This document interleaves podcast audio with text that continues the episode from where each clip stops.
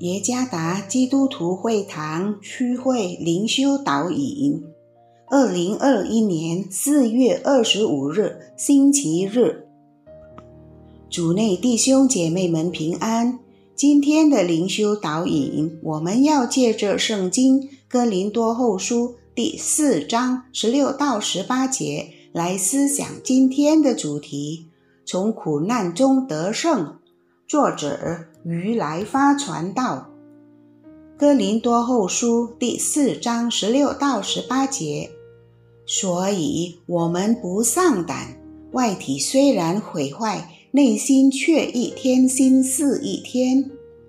我们这至战至轻的苦楚，要为我们成就极重无比、永远的荣耀。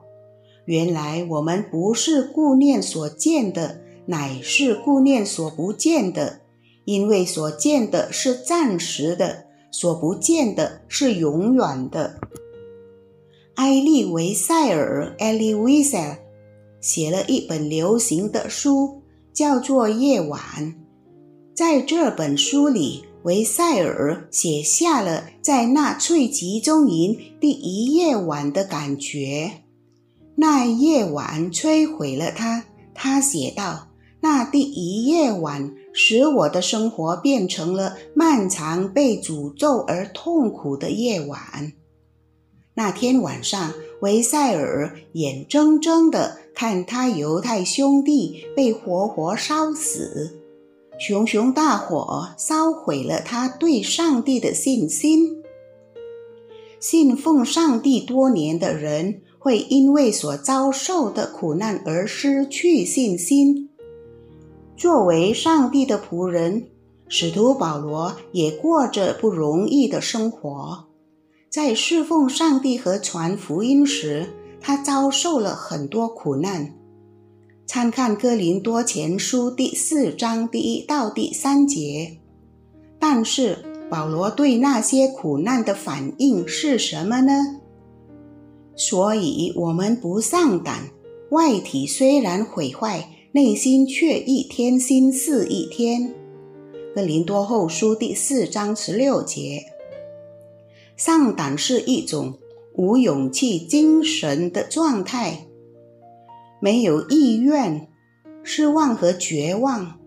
保罗在晚年曾经教导哥林多教会不要上胆，为什么呢？因为人外体的痛苦。带来内心的更新，内心更新的人意味着向着基督而成长并成熟，如基督。参看以弗所书第四章十三和十五节。最终，苦难塑造我们变成基督的形象。参看约翰一书第三章第二节。我们在基督里。透过成圣，渐渐完善新人，直到我们得着完整的救恩。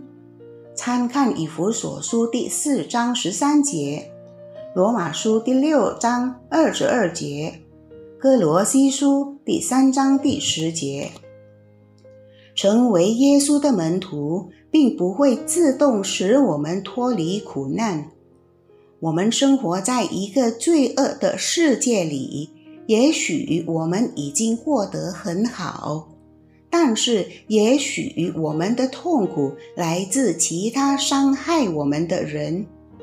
在苦难之中，不要丧胆，向上帝祷告并依靠他。如果我们能熬过这些痛苦，我们就是得胜者。